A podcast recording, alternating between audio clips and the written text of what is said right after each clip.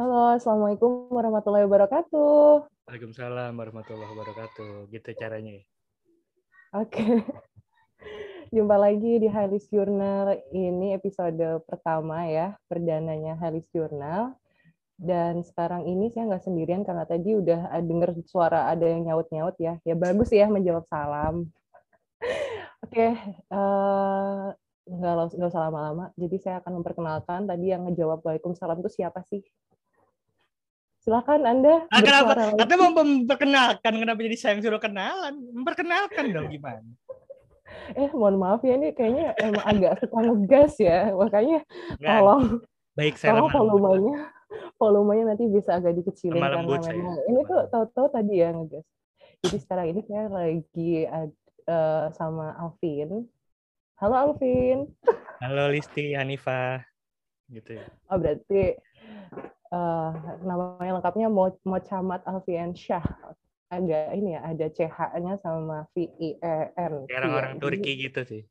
mm, tetap nyebutnya tetap harus Mocamat Enggak Alfian ada.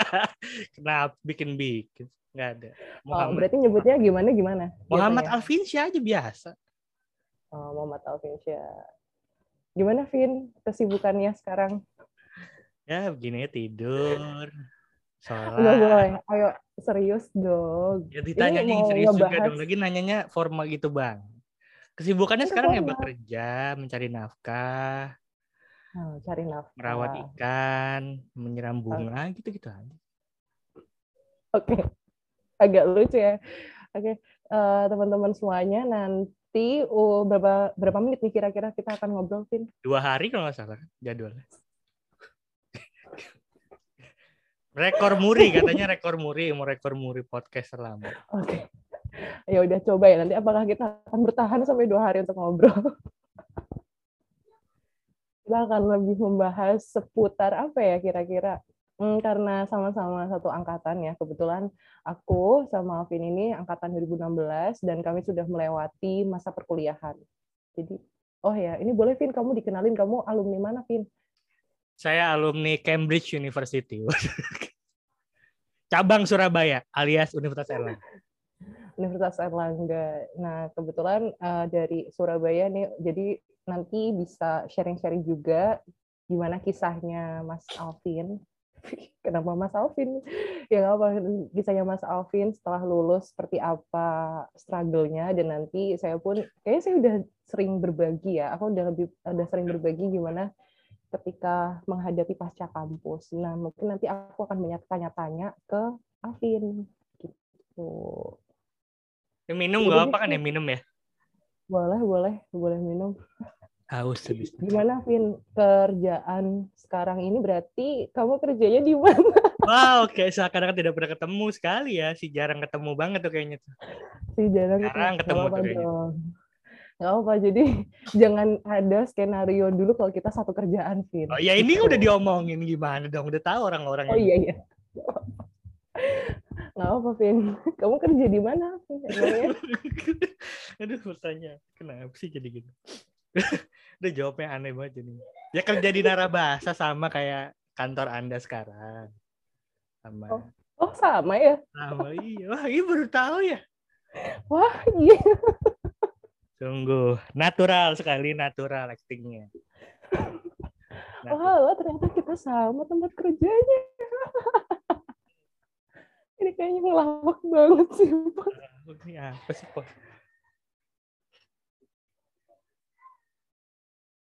Oh, jadi kerja di Narabahasa jarak dari setelah lulus terus akhirnya dapat di Narabahasa berapa lama tuh, Vin? Tidak lama, nol bulan kan? Karena dari sebelum sebelum lulus kan udah magang di Narabahasa. Hmm. Jadi setelah itu lanjut kerja. Oh, kebetulan magang juga ya di Narabahasa. sih jangan jangan menipu gitu dong jangan seakan-akan kita tuh nggak kenal gitu dong Enggak dong. Iya, iya. Jadi teman-teman, ini kebetulan Alvin itu memang sejak kuliah, sejak masih berstatus mahasiswa, dia tuh udah magang duluan di Narabahasa. Dan karena kinerjanya sungguh mumpuni, ya, akhirnya dipercaya, bukan dipercaya, tapi akhirnya eh, langsung tuh setelah lulus kerja. nggak gara-gara waktu itu teman teman satu divisi saya pas magang agak rese kayaknya sih Jadi Oh, dia pindah. agak rese. Resenya gimana tuh emang? Vin? Ya Rese. ada lah pokoknya. Hmm. Kalau saya ceritain sini panjang pokoknya. Oh, Agak gitu. rese Oke, aja. kita kita nggak usah nyeritain yang itu ya emang kalau temannya rese itu coba diselesaikan dengan baik-baik dulu ya. Iya iya. iya. Oke. Sekarang udah baik sama temennya yang rese itu. Eh kenapa bahas itu kan? Jangan bahas itu katanya udah bahas. Jangan bahas itu. Sebentar mau batuk dulu. Kenapa izin? Batu kenapa izin udah kayak tentara? Tapi ini kayaknya nggak jadi podcast yang agak serius gitu deh. Ya nggak tergantung Jadi anda dong. Saya mau mulu. ya udah deh. Berarti nggak pernah ngalamin fase nganggur dong. Pernah nganggurnya nganggurnya kayaknya em, sebelum kuliah karena akhir-akhir tahun kuliah itu kan pandemi kan ya 2000 2019 2020. Nah, kayaknya malah ngerasain nganggurnya nganggurnya di situ karena sebelumnya kan aku udah kerja dari SMA Oh, sebetulnya malah udah kerja oke. juga. Dan ketika pandemi itu nggak kerja, jadi cuman kuliah. Hmm. Nah, menurutku kayak cuman kuliah tuh malah nganggur gitu karena tinggal skripsi juga apalagi waktu itu kan satu mata kuliah. Jadi nganggurnya di situ malah. Hmm, Nah, ini kan karena memang aku tuh pengen lebih ngebahas tentang ini loh, Vin. Kejadian-kejadian kalau misalnya kita kan habis ma- jadi mahasiswa, itu kan kena mungkin status ya, punya status. Terus ketika sekolah statusnya pelajar, terus biasanya kan mereka langsung lanjut ke kampus, statusnya mahasiswa. Nah, biasanya yang agak susah nih, ketika tahu-tahu mereka udah lulus, kan udah nggak boleh tuh apa ya punya status mahasiswa. Ya mau nggak mau harus menyandang status pengangguran kebetulan kan kita berdua udah pernah ngerasain ya gimana jadi pengangguran. Nah, kalau caramu sendiri gimana, Vin, ketika kamu tuh emang harus menghadapi realita itu? Enggak, karena setelah kuliah kan nggak nganggur, Lis. Jadi nganggurnya itu sebelum malah ketika kuliah hitungannya jadi. Karena nganggur tuh kalau menurutku tuh ketika posisi ketika orang itu nggak mengerjakan sesuatu yang rutin gitu loh, yang disuruh. Karena kalau kerja kan kita kan disuruh kan, entah sama Iya. klien atau sama bos gitu kan. Nah ketika kuliah ngerjain skripsi kan nggak ada yang nyuruh kan. Kalau misalnya mau lulusnya Oh, kapan pun iya. juga terserah kita kan. Makanya kuliah itu menurutku bukan sebuah profesi gitu loh, tapi Hmm. eh, ya cuman ya ya ya tuntutan belajar aja. Makanya ken- Kalau- kenapa aku bilang ya makanya kenapa aku bilang aku tuh pernah nganggurnya tuh pas kuliah karena ada ada fase sekitar satu tahun kan satu tahunan kurang lah itu nggak ada pekerjaan waktu itu jadi nggak ada nggak ada pemasukan juga nah nganggur itu ketika kita nggak punya pemasukan aktif gitu loh jadi pemasukannya pasif aja dari Oh. orang tua atau dari tabungan gitu Nah, berarti sebenarnya kita tuh udah nganggur dari lama ya. Kalau misalnya mau ditarik dari kesimpulan yang tadi di dibilang sama Alvin. Ya, tapi kan orang setiap orang beda-beda. Ada juga yang nganggap kuliah itu sebagai sebuah profesi, sebuah pekerjaan. Ya itu Hmm. beda. Tapi kalau aku sendiri aku nganggap kuliah itu ya ya kalau nggak ada yang nyuruh kok kuliah. Kalau misalnya kita ngerjain tugas, ngerjain tugas juga kan dosen nggak akan ngejar-ngejar. Jadi terserah Oke. kita. Gitu. Tapi sebenarnya harus nggak sih kita tuh takut dengan sebuah pengangguran, bukan sebuah pengangguran ya, apa sih dengan eh, posisi nganggur? Think.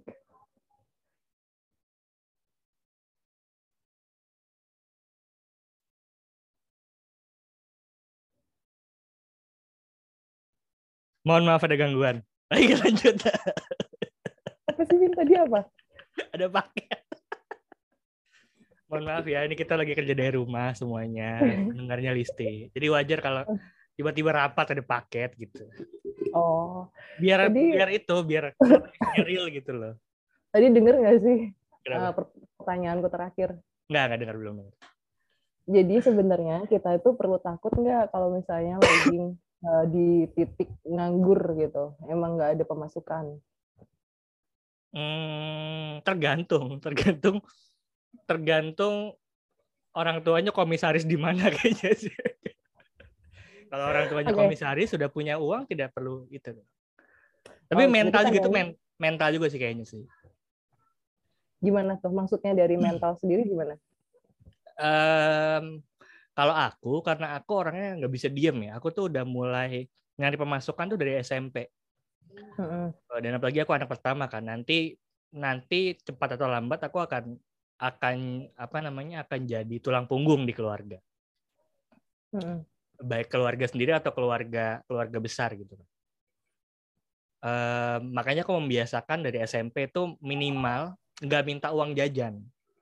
Nah akhirnya tuh Oh. berlanjut terus sampai SMP tuh cuman cari pemasukan pemasukan pasif terus SMA baru mau lulus akhirnya kerja di sebuah perusahaan terus akhirnya sampai kuliah dan kerja sampai sekarang. Ada juga orang yang memang dia em, nggak eh, nggak ingin kerja karena pertama mungkin ekonominya udah cukup. Em, kedua ya dia emang pengen serius belajar kan banyak kan tuh orang yang emang ingin serius belajar kan. Orang yang Hmm. ingin kuliah aja tinggi tingginya nanti pekerjaan akan mengikuti. Dan itu juga bukan masalah.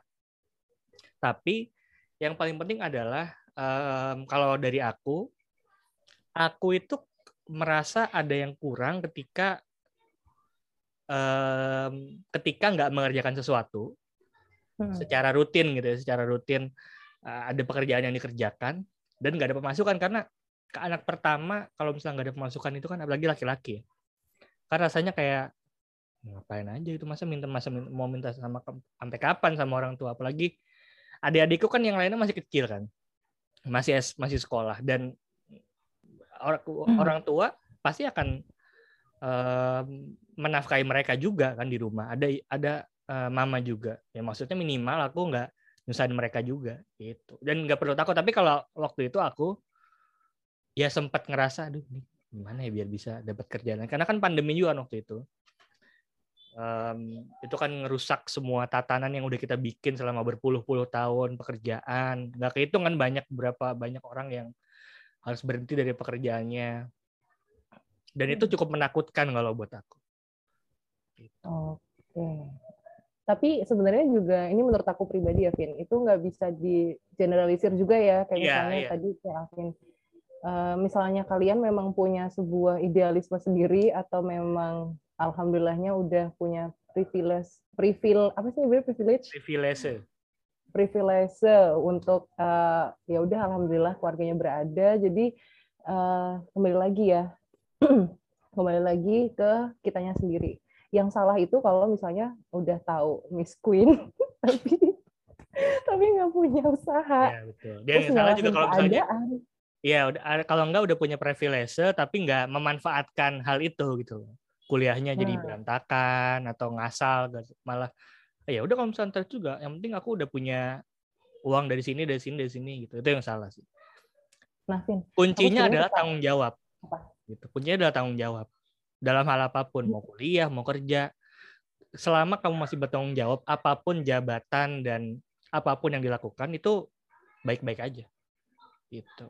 Oke, tadi aku agak tertarik sama pembahasan kamu yang bilang kamu kerja dari SMP. Nah, sebenarnya kamu mulai bekerja dari SMP itu berarti atas dasar keinginan sendiri atau memang ya aku udah punya rasa tanggung jawab supaya aku tuh mau pengen mandiri atau gimana, Vin? apa ya waktu itu ya lupa juga aku tuh SMP kelas Atau emang dari orang tua yang ngedidik kamu, udah kamu nggak usah, eh gini misalnya, kan kalau misalnya dalam agama Islam kan ketika laki-laki ya, ini khusus laki-laki, kalau perempuan beda. Kalau laki-laki kan kalau udah balik, itu ketika orang tua yang ngasih ke ke kamu nih, Hmm, itu hitungannya sedekah, udah bukan iya lagi betul udah bukan lagi yang harus sebuah keharusan. Nah, betul apakah emang seperti itu didikan dari eh, orang tuamu? Gimana, Vin?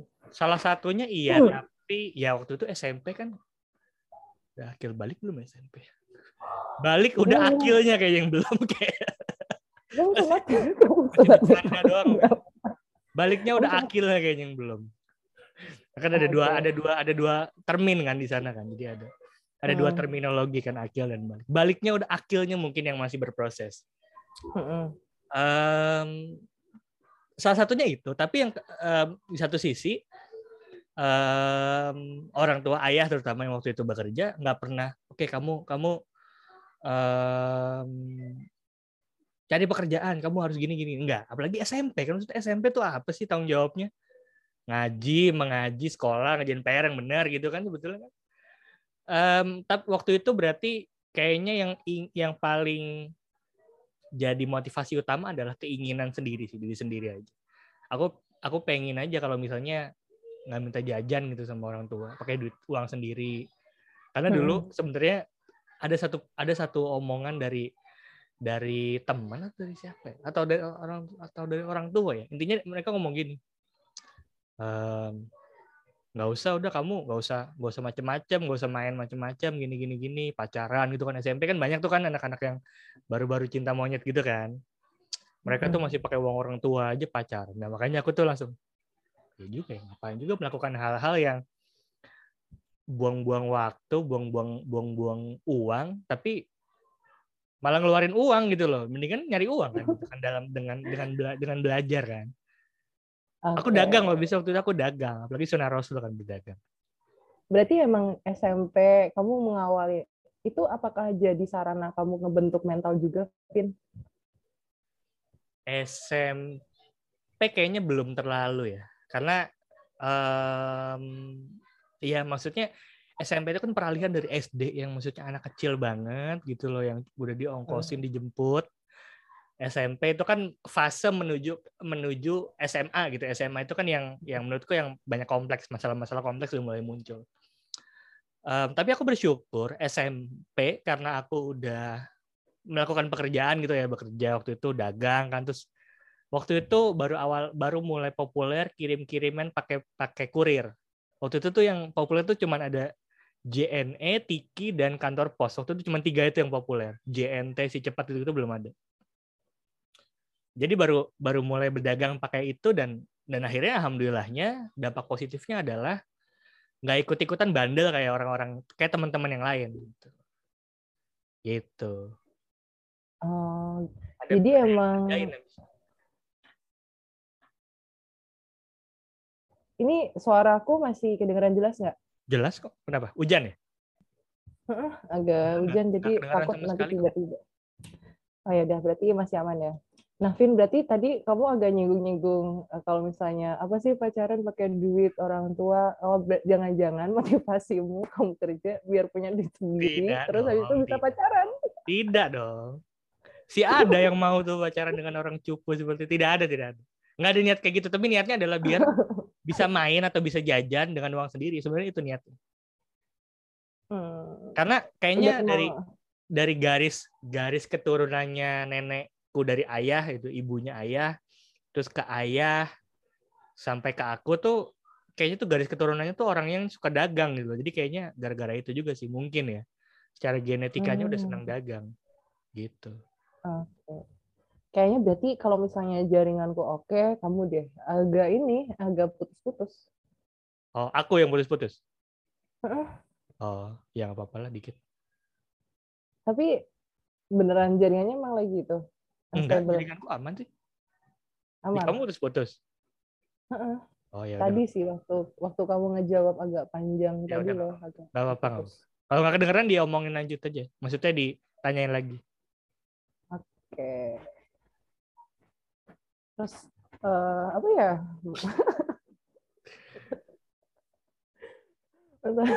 tuh kan? Malah jadinya emang beneran kamu kayak narasumber banget ya, jangan dong. Nah, kalau kamu gimana? Kalau kamu deh ya aku tanyain balik tuh. Kalau kamu gimana dulu SMP SMA gitu? Kayaknya jangan kalau mungkin karena aku perempuan ya jadi hmm. beda banget pasti. Kalau gimana, aku gimana? masih difasilitasi bahkan gitu. Jadi aku baru kenal kerja tuh Vin. Itu emang masih, masih setelah kuliah setelah lulus berarti ya? Setelah lulus tapi memang mulai ada rasa yang paling enggak uang jajannya nggak usah minta itu tuh dari kuliah. Jadi hmm. udah kuliah semester pertama itu udah kayak rajin gimana caranya mikir putar otak biar dapet duit. Nah gitu. Dengan apa tuh caranya ya, kalau aku kalau aku sih jalannya ya jualan makanan ya. ikan kalau nggak salah. Buat di Taman Lele Taman Lele. Ada di Semarang Taman Lele. Aku pernah cerita mau jual pakan ikan emangnya?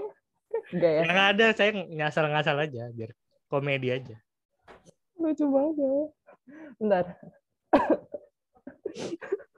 minum minum minum minum minum kagak batuk minum minum. Kenapa makan ikan? Aku jadi ngeblank. Aku tadi ngomong apa Vin? Itu mulai dari semester satu, semester satu udah mulai ingin Oh iya, aku tuh cari uang.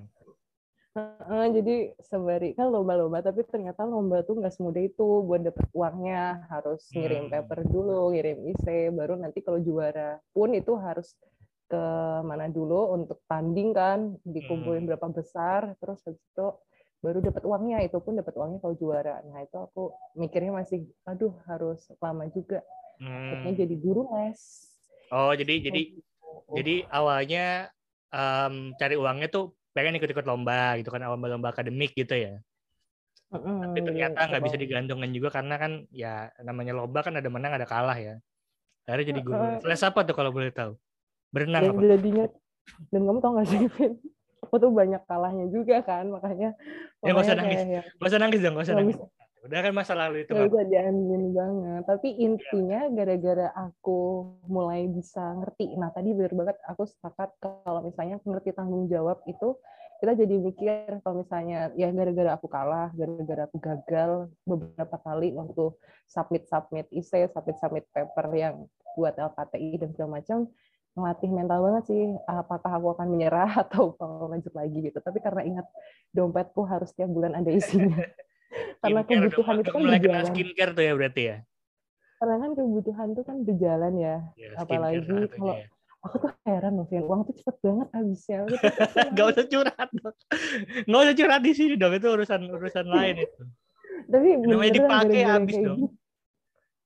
ya makanya gara-gara kayak gitu tuh waktu kuliah gimana caranya aku tetap punya masukan kayaknya yang lebih stabil aku jadi guru les deh gitu Hmm. ya udah akhirnya ngelesin aku ngelesinnya itu karena pengalaman waktu awal-awal tuh ngambil semuanya bahkan yang anak SD juga Hmm. tapi ya aku tuh karena mungkin eh, si sabar banget akhirnya menyerah menyerah di semester berapa ya pokoknya aku enam bulan pertama aja mau ngambil anak SD karena dikit-dikit misalnya baru ngelesin 20 menit awal bu bentar ya eh miss dia namanya miss bentar ya saya mau ke kamar mandi miss bentar saya mau makan miss padahal ibunya nanti nanyain di akhir gimana lesnya Ah, cuma makan cuma itu kayak enggak banget Ini namanya anak Terus kecil, anak kecil masih keinginannya belajar main. Iya, terus kadang yang kadang masih bad mood gitu kan. Nggak mau ah, males. Ih, susah banget sih, capek gitu. Iya, iya. Tapi asli sih, emang beda banget waktu aku ngelesin megang anak kelas 1 SD, terus anak kelas 3 SD, sama mungkin aku masih bisa ambil yang kelas 5 sama 6. Kelas 5 sama 6 biasanya mereka udah mulai bisa ngerti kalau harus persiapan kan. Kamu kalau nggak lulus atau kamu nanti kalau nggak dapet nilai bagus, kamu nggak bisa lanjut ke sekolah. Jadinya dia udah mulai punya tanggung jawab, nggak yang ngetewelan kayak yang kelas 1 sampai kelas 4. Hmm. Nah, kayak gitu. Jadi akhirnya aku mutusin buat eh, semester 3, 4, 5, 6 sampai lulus semester berapa ya? Ah enggak deh, aku nggak sampai lulus. Aku semester 7 udah udah ngelepas semua karena memang fokus ke skripsian. Nah, gitu. Ya, ma- ya masuk, masuk akal. Tapi jadi belajar banget sih memang. Tapi lucu banget kalau ingat ya Allah aku dulu. Iya iya, masalahnya kan Oh. yang penting tanggung jawab kan sebagai gimana kita punya sesuatu yang harus dibeli atau kebutuhan dan kalau bisa nggak menyusahkan banyak orang dan tanggung jawab itu tuh nggak dimiliki oleh banyak orang. Nah. Orang-orang banyak yang atau mungkin setiap orang punya tapi waktu dia menyadari bahwa tanggung jawab itu adalah uh, nempel nempel di tubuhnya dia itu itu telat. Kadang-kadang udah udah kuliah gitu atau udah dapat misalnya misalnya tiba-tiba um, nggak ada pemasukan lagi sebelumnya. Nah tiba-tiba aduh wih, kok harusnya harusnya dari kemarin ya? Gitu. Jadi emang um, Nah, telat nyadar kalau misalnya dia harus bertanggung jawab atas minimal dirinya sendiri gitu. Nah itu. Sebenarnya itu sih Vin poinnya. Kadang orang-orang tuh nggak sadar lebih awal ketika sadarnya ya udah dihadapkan, aduh lulus, oh iya ya aku ngapain ya? Hmm. Gila, ternyata cari ternyata cari kerja sesusah ini. Nah, itu baru nyadar kalau misalnya wah nggak bisa nih. Iya betul. Dan Apalagi ilmu yang humaniora kan. ilmu ilmu sosial gitu kan maksudnya pekerjaannya Iya, kan pasti lo- lowongan lowongan yang dicari, dicari yang any major. Enggak sih saya mah alhamdulillah aja. Alhamdulillah enggak enggak sampai nyari-nyari kayak gitu. Vin, aku tapi mau balik lagi ke yang tadi deh pembahasan. Satu hal yang aku rasain ketika aku jadi guru les, tapi jangan sampai aku jadiin beban itu kalau memang sesuai sama bukan eh, eh minat ya, passion kalau orang bilang. Sesuai minat itu Bahasa Indonesia-nya apa ya passion? Minat. Bukan. Minat bener nggak? Bukan. Apa emangnya? Renjana. Kasih tahu. Oh, ya Allah kerja di merah bahasa keren banget. Bisa tuh.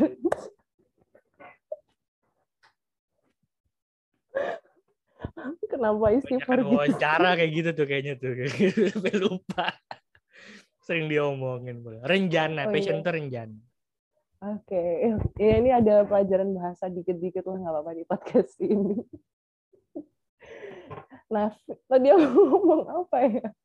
Oh ya, karena kalau misalnya kita punya rencana, yeah. kalau punya rencana itu ngelakuinnya lebih apa ya? Kalau orang bilang lebih tulus. Yeah, lebih dan uh, dan ke psikolog kita apa psikolog psikologis kita sendiri tuh jadi uh, kebawanya tuh happy gitu loh, nggak yang beban. Aduh, kok cuma segini ya uangnya yang masuk hmm. kayak gitu. Balik lagi kalau aku kuliah, memang aku tahu kalau prioritas utamaku aku akademikan makanya oh, uang itu bukan yang faktor yang harus berapa. Atau juga aku kan masih bisa minta orang tua gitu. Tapi paling enggak ketika uang jajan buat ngecover uh, apa ya beli-beli cilok terus habis itu fotokopi terus habis itu bensin dan segala macam punya. Nah itu jadi aku nggak yang target oh, aku harus satu juta sebulan atau aku harus berapa. Nah jadi uh, waktu les itu yang pasti aku harus seneng dan itu jadi sarana aku hiburan sih. Jadi ketika teman-temanku semua nongkrong dan semacam, ketika aku ketemu sama adik-adik yang aku lesin di situ kan aku harus berubah jadi gimana caranya aku jadi orang pinter di situ. Hmm. Harus tahu segalanya. Karena mau nggak mau guru les itu dituntut kita tuh nggak boleh kelihatan bodoh. Ya gimana coba mau ditanyain masa bentar yang nggak tahu nih jawabannya apa kan aneh gitu. Makanya waktu ngelesin tuh juga sekaligus itu sih uh, belajar apa, juga. Ngasih uh, ngasih ilmu sama belajar juga gitu. iya benar karena ilmu ilmu yang cara cara biar ilmu bisa cepat masuk adalah dengan diomongin terus kan? Betul. Makin diomongin itu semakin semakin ngelotok di kita Eh kejadian banget waktu S waktu aku ngelesin yang kelas SMP itu megang 9 orang itu materinya sama, bukunya sama. Kalau kamu ikut bukunya juga detik-detik, kamu pakai buku detik-detik juga nggak waktu sekolah? Ya, kayaknya iya deh. Saya Intan Pariwara, bukunya Intan Pariwara. Detik, saya agak detik. agak agak skip emang kalau masalah buku-buku. Kayaknya iya deh, kayaknya iya. itu itu buku sejuta umat intinya itu karena jawabannya saking seringnya ke karena dua orang terus besoknya harus ngelesin lagi besoknya ngelesin lagi kayak aku nggak perlu buka bukunya ini hmm. A ini B yang ini D itu eh oh ya Allah itu membantu banget sih. Ya aku sepakat aku sepakat. Hmm. aku jadi kangen ngelesin. Okay. ngeles aja nggak usah pakai in sekarang. Kalau ngeles sih kayaknya aku harus belajar sama kamu Vin. Belajar sama bos kita semua dong. Ada. Siapa? Nggak usah oh. jangan cepet-cepet di sini dong. Nggak boleh ya, ya. nggak apa-apa. Nggak nggak. Respect ya kayaknya bisa juga agak melenceng sih jadi nggak fokusnya ke pengangguran ya tapi lebih ke tanggung jawab hmm. Hmm, karena aku pun ngerasain ketika jadi dewasa tuh emang tentang tanggung jawab hmm. Hmm. tanggung jawab kayak aku sekarang tanggung jawab sebagai seorang anak perempuan kamu sebagai anak laki-laki gitu terus nanti kamu berani buat ngelangkah mungkin uh, buat uh, nikahin orang gitu kan kamu tanggung jawab jadi suami. Iya betul. Iya nggak sih? Iya, terus iya. ya kan tentang tanggung jawab dan nggak bisa lepas. Maksudnya gini kita nggak akan mengharapkan itu ada tapi mau nggak mau kehidupan ini menyuruh kita itu punya status itu gitu. Hmm. dan secara nggak secara nggak langsung ya kita harus belajar kayak kenapa eh, gimana sih caranya aku jadi anak perempuan yang baik gitu Padahal untuk tahu standar baik dan buruk dan segala macamnya itu kayak kompleks banget gitu loh. Tergantung orang yang menilai juga dan penilai dan hmm. aspek penilaiannya tuh apa, buruk dan baik. Nah itu makanya ketika aku uh, sebelum kerja ya pasti sebelum kerja aku ngomongnya karena mungkin lingkunganku dari TK bukan TK bukan bayi TK SD SMP SMA kuliah di Semarang yang aku mungkin alhamdulillah kayak kejaga gitu loh yang ya aku bisa kayak mengantisipasi dan orang tuaku yang protektif jadi aku tuh terhindar sama hal-hal yang gimana ya pokoknya mungkin berkebalikan sama kamu nih Vin. Nah kalau kamu sendiri gimana nih maksudnya? Arahnya ke mana nih? Kenapa jadi berkebalikan sama saya? Saya tidak dijaga maksudnya. Bukan bukan bukan gitu. Maksudnya kita ngomongin tentang segi lingkungan Ya, ya. Karena tadi kan tentang tanggung jawab. Maksudnya kita bisa nyadar tanggung jawab itu lebih kamu bahkan lebih dini ya. SMP aja udah bisa mikir. Aku kuliah baru dikasih hidayah buat mikir kayak gitu. Nah, makanya kenapa ya orang-orang tuh bisa berbeda-beda kok dari pandangan kamu sendiri gimana tuh? Tentang apa nih pertanyaannya apa sih jadi Penjelasannya tentang, agak panjang tadi habisnya, jadi saya bingung nih, Mbak. Tentang tanggung jawab. Oh, tanggung jawab. Kenapa tanggung jawabnya?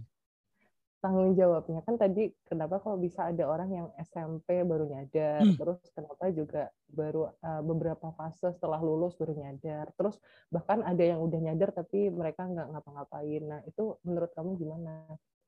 Apa yang hmm. membuat itu tuh berbeda gitu? Kan juga tadi aku bahas kan maksudnya dari lingkunganku yang dari kecil itu kan di Semarang atau mungkin karena memang lingkunganku sendiri yang memang membuat aku safety gitu kan aman. Jadi aku tuh nggak pernah berpikiran dan baru aku ditempatkan ke hal yang nggak nyaman baru aku nyadar kalau aku punya tanggung jawab. Nah itu juga bisa nggak sih jadi salah satu bisa ya bisa jadi faktor juga ya?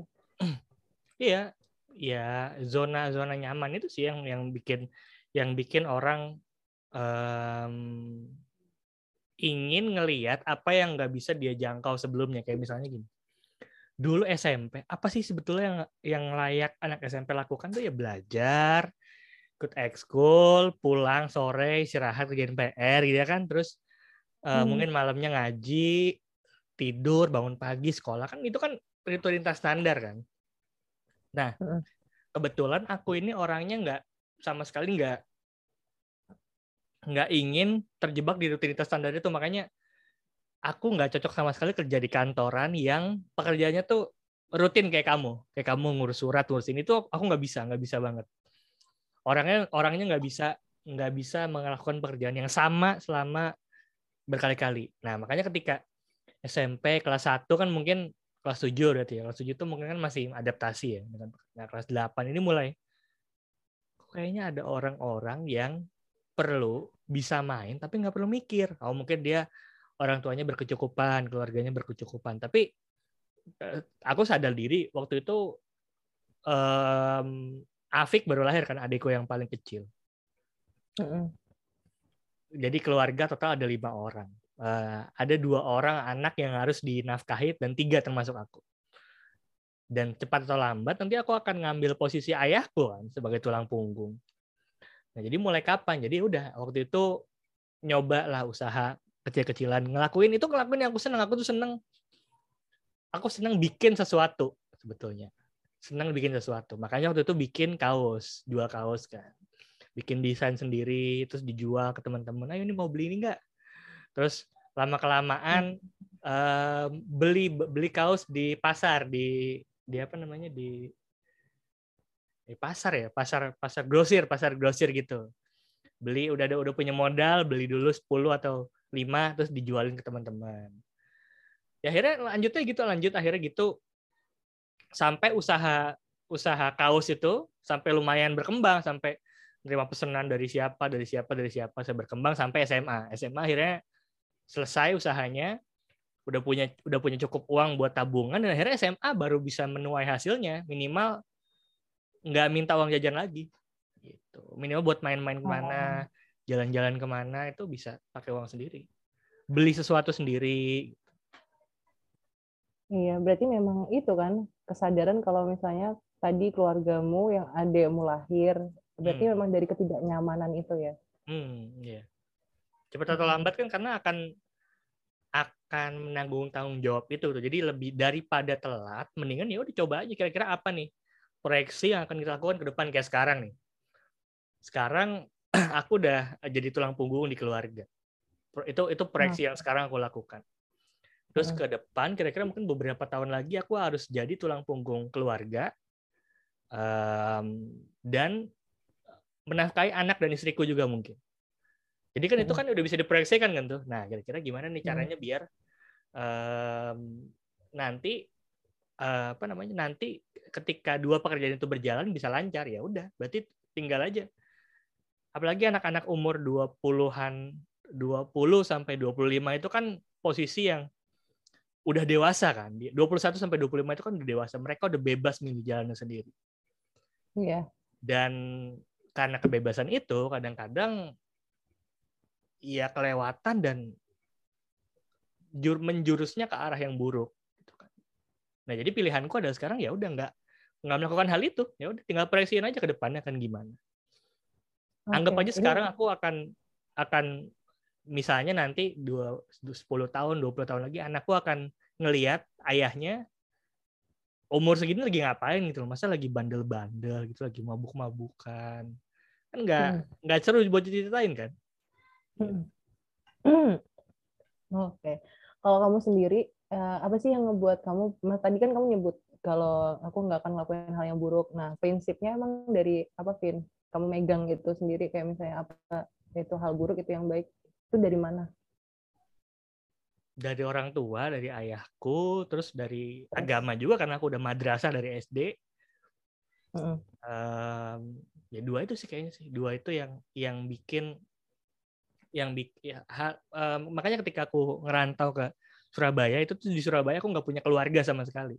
Ada sih keluarga, cuman Supang. akhirnya di tahun keberapa dia pindah dan nggak punya lagi keluarga di Surabaya. Jadi kalau nggak ada apa-apa ya udah oh. sendiri aja. Sakit sendiri, masak sendiri gitu lah pokoknya lah.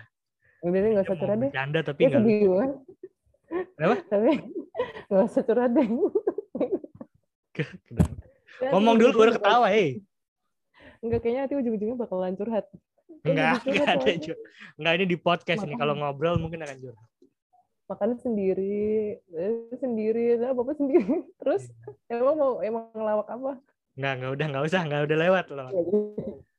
Iya gitu. Jadi um, nilai yang pertama aku aku aku pegang adalah dari orang tua karena aku prinsip aku gini ketika aku melakukan sesuatu yang kupikirkan adalah kira-kira kalau orang tuaku ngelihat hal ini apa yang mereka pikirkan baik atau buruk hmm. karena alhamdulillahnya dari SMP aku nggak pernah dikekang. Nggak pernah disuruh udah nggak apa-apa. Apalagi aku aku aku cowok kan. Um, jadi nggak pernah dikasih udah kamu kamu jangan gini jangan gini jangan nggak pernah alhamdulillahnya. Dan aku sadar hal itu datang karena sebuah kepercayaan. Dan kepercayaan oh. itu kan kayak kertas kan. Kalau kertas hmm. udah di di sih diremak diremuk di apa sih namanya di apa istilahnya tulis iya. di diremukan gitu apa sih namanya ya, di, di, diremukan gitu lah diranya di di di di di diremukan ketika dia mau dikembalikan lagi kan nggak akan sama kan kertasnya. Jadi yang hmm. yang aku perlu pelajari adalah bahwa kepercayaan itu datangnya cuma satu kali. Bisa jadi datang kedua, tapi pasti porsinya akan beda. Hmm. Jadi kepercayaan itu cuma datang satu kali. Nah itu itu gimana caranya biar nggak melukai kepercayaan itu. Yang kedua ya karena dikasih tahu sama ustadz yang dulu ngajarin di madrasah sama guru gitu jadinya ya alhamdulillahnya sampai sekarang nggak mungkin kalau misal diceritain sama orang akan terdengar cupu tapi ya itu bukan masalah sih kan itu penilaian orang oh bagi kamu tuh kayak gitu cupu maksudnya kamu nggak ikut ikutan hal-hal mambu-mambuan misalnya apa apa gitu menurut kamu cupu mabuk juga sih cuman paling minum antimo aja kalau mampu di base gitu misalnya kan itu kan mabuk juga. Wah, mungkin terdengar cupu mungkin terdengar cupu tapi ya karena karena apalagi aku aku di Jakarta. Dulu aku pernah kerja di sebuah perusahaan yang nggak boleh disebut kerjaannya namanya. iya nggak boleh disebut perusahaannya tapi pekerjaannya adalah bikin konser jadi kan bisa di, bisa dikasih tahu gimana bisa bisa dibayangkan gimana pergaulannya kan dan masih cupu aja sampai sekarang gitu. Bahkan aku kan nggak rokok sampai sekarang. Hmm. Jadi ya ya karena ada nilai yang dipegang itu aja sih dari keluarga dan um, dari agama. Dan apalagi sekarang kan aku punya adik kecil gitu. Ini jadinya umurnya tuh beda berapa tahun? 15 tahun, 13 tahun. Mm-mm. 13 tahun. Itu kan sama kayak kita ngelihat anak nggak sih? Kalau aku tuh kalau sama dia tuh kayak kayak jadi didik anak gitu. Apalagi dia nggak ada ayah kan sekarang. Jadi aku yang harus mendidik. Kan. Malu udah nggak mikirin hal-hal kayak gitu lagi. Eh udah kayak bodo amat juga kan dipanggil bapak mau beli apa? Enggak iya kalau kalau lagi berdua sama dia tuh beban juga buat saya sih. kamu beban di, kamu beban juga dipanggil bapak gitu. enggak maksudnya kalau misalnya saya lagi jalan sama mama nih, dipanggil sering dikira suami istri gitu padahal setua apa saya kayaknya tidak tua-tua amat kayaknya. Tapi kayaknya Mama saya kayak kemu- yang- Mama saya kemudaan kayaknya mukanya.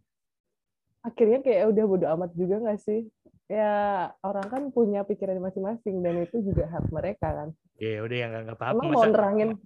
ya, ya mau masa tersinggung ya nggak usah tersinggung Iya jadi kan? di- dilucu-lucuin aja. Kadang-kadang aku juga kalau lagi pernah kemarin terakhir lagi lagi potong Hmm. rambut. Eh, bawa bawa adekku yang paling kecil terus berapa tahun umur anaknya ya udah selanjutin aja oh iya udah 8 tahun gitu kan oh iya berarti masih muda Iya. nikahnya iya masih muda baru baru berapa gitu umurnya berapa emang? 30 oh kelihatan muda ya 30 ya gitu. Lucu-lucuin aja kok apa ya dia nganggapnya juga anak ya udah nggak tapi nggak ada ubahnya rambutnya. Oh iya emang nggak apa ya saya rutin olahraga habisnya gitu. Ya, tanggapin aja gitu. Mereka juga nggak akan ketemu lagi kan? Ya udah. Aku nggak akan praktik se itu Pak. ya lagian gimana dong?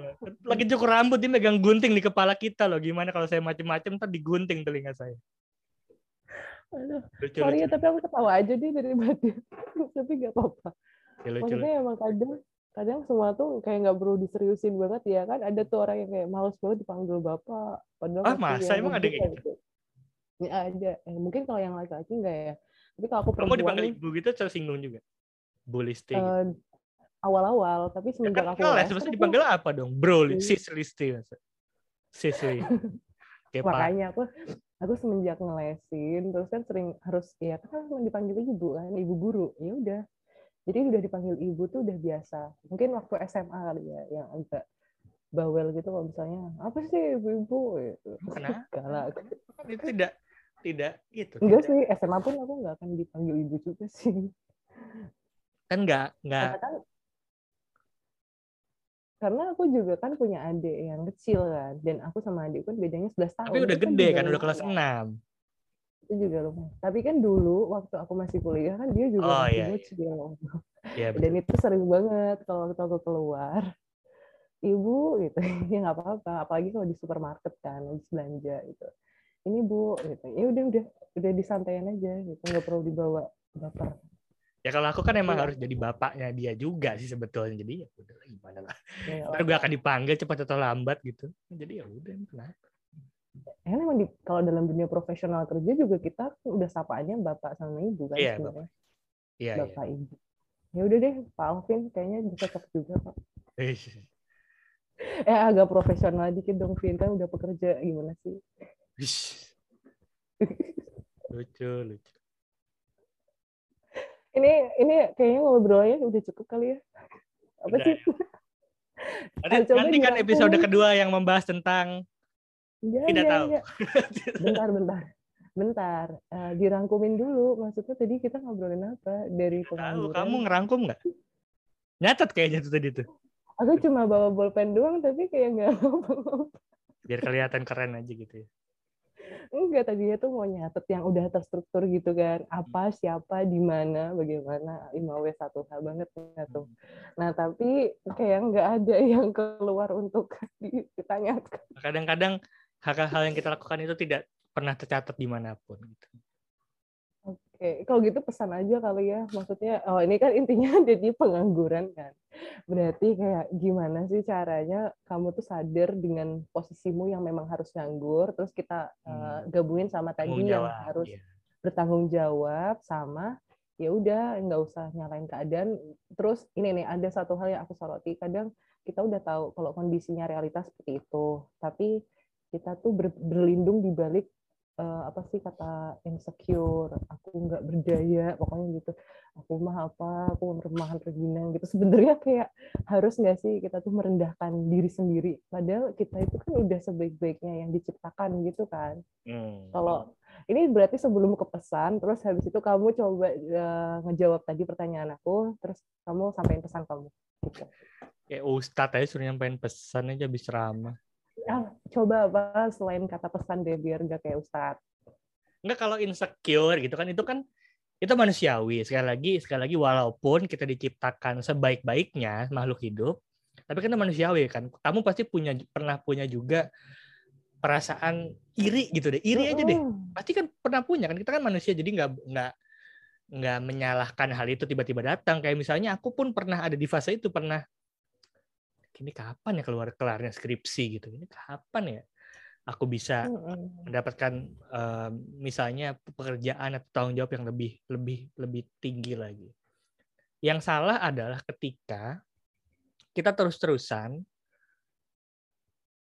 um, apa namanya mendewakan insecure itu dan tidak bergerak dan tidak berproses apa-apa Hmm. Nah, kalau misalnya kamu berproses gitu ya kan pasti ada gagalnya kayak kamu deh tadi um, lomba gitu kan. Berproses ada gagalnya kan pas gagal kan kamu kan pasti akan kok gagal sih. Apalagi ketika kamu udah uh, mencurahkan hati kamu, perasaan kamu ke tugas itu, ke ke, ke perlombaan itu. Berarti kan masa gagal sih ntar kalau dicoba lagi gagal lagi gitu kan pasti kan ada perasaan kayak gitu kan perasaan walaupun sedikit nah wajar tapi ya udah itu itu paling cuma satu hari satu ma atau satu malam gitu. Besoknya harus berproses lagi. Nah yang salah yeah. adalah ketika kita terus-terusan merasa rendah diri tapi nggak berproses apa-apa. Karena proses itu kan ya kayak anak tangga gitu kan. Ada ada ada fasenya mungkin kita jatuh dulu di tangganya. Ada hmm. fasenya kita ngelangkah dua anak tangga langsung. Ada fasenya kita udah di atas terus tiba-tiba didorong sama orang yang di atas terus turun lagi. Jadi kuncinya adalah bertanggung jawab dengan apa yang dilakukan dan tetap melakukan sesuatu hal aja apa pun gitu Kalau menganggur belum dapat pekerjaan nih karena teman-temanku juga banyak beberapa yang uh, masih suka ngobrol tuh ini gimana ya? Belum belum ada kerja nih belum ada kegiatan gini gini gini. Ya berproses aja gitu loh. Melamar pekerjaan terus perbaiki portofolio atau mungkin ikut kursus-kursus gitu. Jadi ya itu sih paling. Oh, Oke, itu udah ya sama sekalian pesannya ya. Oke, udah. Makasih banyak loh, Alvin. Sudah Kamu enggak, kamu juga dong. Juga dong pesannya dong. Uh, kayaknya pesan aku tuh kalian bisa dengerin di podcast-podcast yang lainnya ya. Karena udah banyak banget. Bahkan aku pernah ikut satu lomba podcast dan itu ngebahas dengan tuntas bahkan gimana cara aku menghadapi saat fase nganggur gitu. Ya boleh silakan bisa dilihat apa ya, judulnya apa judulnya? didengar. Dengar judulnya uh, apa ada ya? di ada di bagian self talk oh. jadi itu kayak satu rangkuman gitu loh. Jadi kalian harus dengerin selama satu jam ya moga kuat lah kupingnya. Oh. iya itu Vin makasih banyak ya Vin ya udah mampir di podcastnya Highlight Journal dan ini perdana nanti akan diunggah ya semoga bisa istiqomah deh, bisa konsisten buat uh, unggah-unggah terus. Uh, kalian kayak kalian. Nanti Alvin mau main-main lagi nggak buat ngobrol-ngobrol? Ya kalau diundang saya mah red saya mahal habisnya. Ah, rate mahal. Ya udah ini nanti saya totalan ada di belakang teman-teman. Ya udah kalau gitu, dolar saya. Dolar Uganda. Oh. dolar Uganda. Oke, okay, Vin, kalau gitu ini udah mulai kedengaran azan asar ya di Semarang. Mungkin Tangerang belum ya? Enggak ada, kedengaran. Kalau gitu uh, kita akhiri dulu kali ya. Nanti saya saya salam, Anda jawab Waalaikumsalam ya. Iya, iya, iya. Ini habis. Apa doa penutup majelis apa sekalian? Ayo silakan dipimpin. Enggak begitu. Oke, teman-teman, terima kasih. Wassalamualaikum warahmatullahi wabarakatuh. Waalaikumsalam. Jawab, jawab. Wabarakatuh.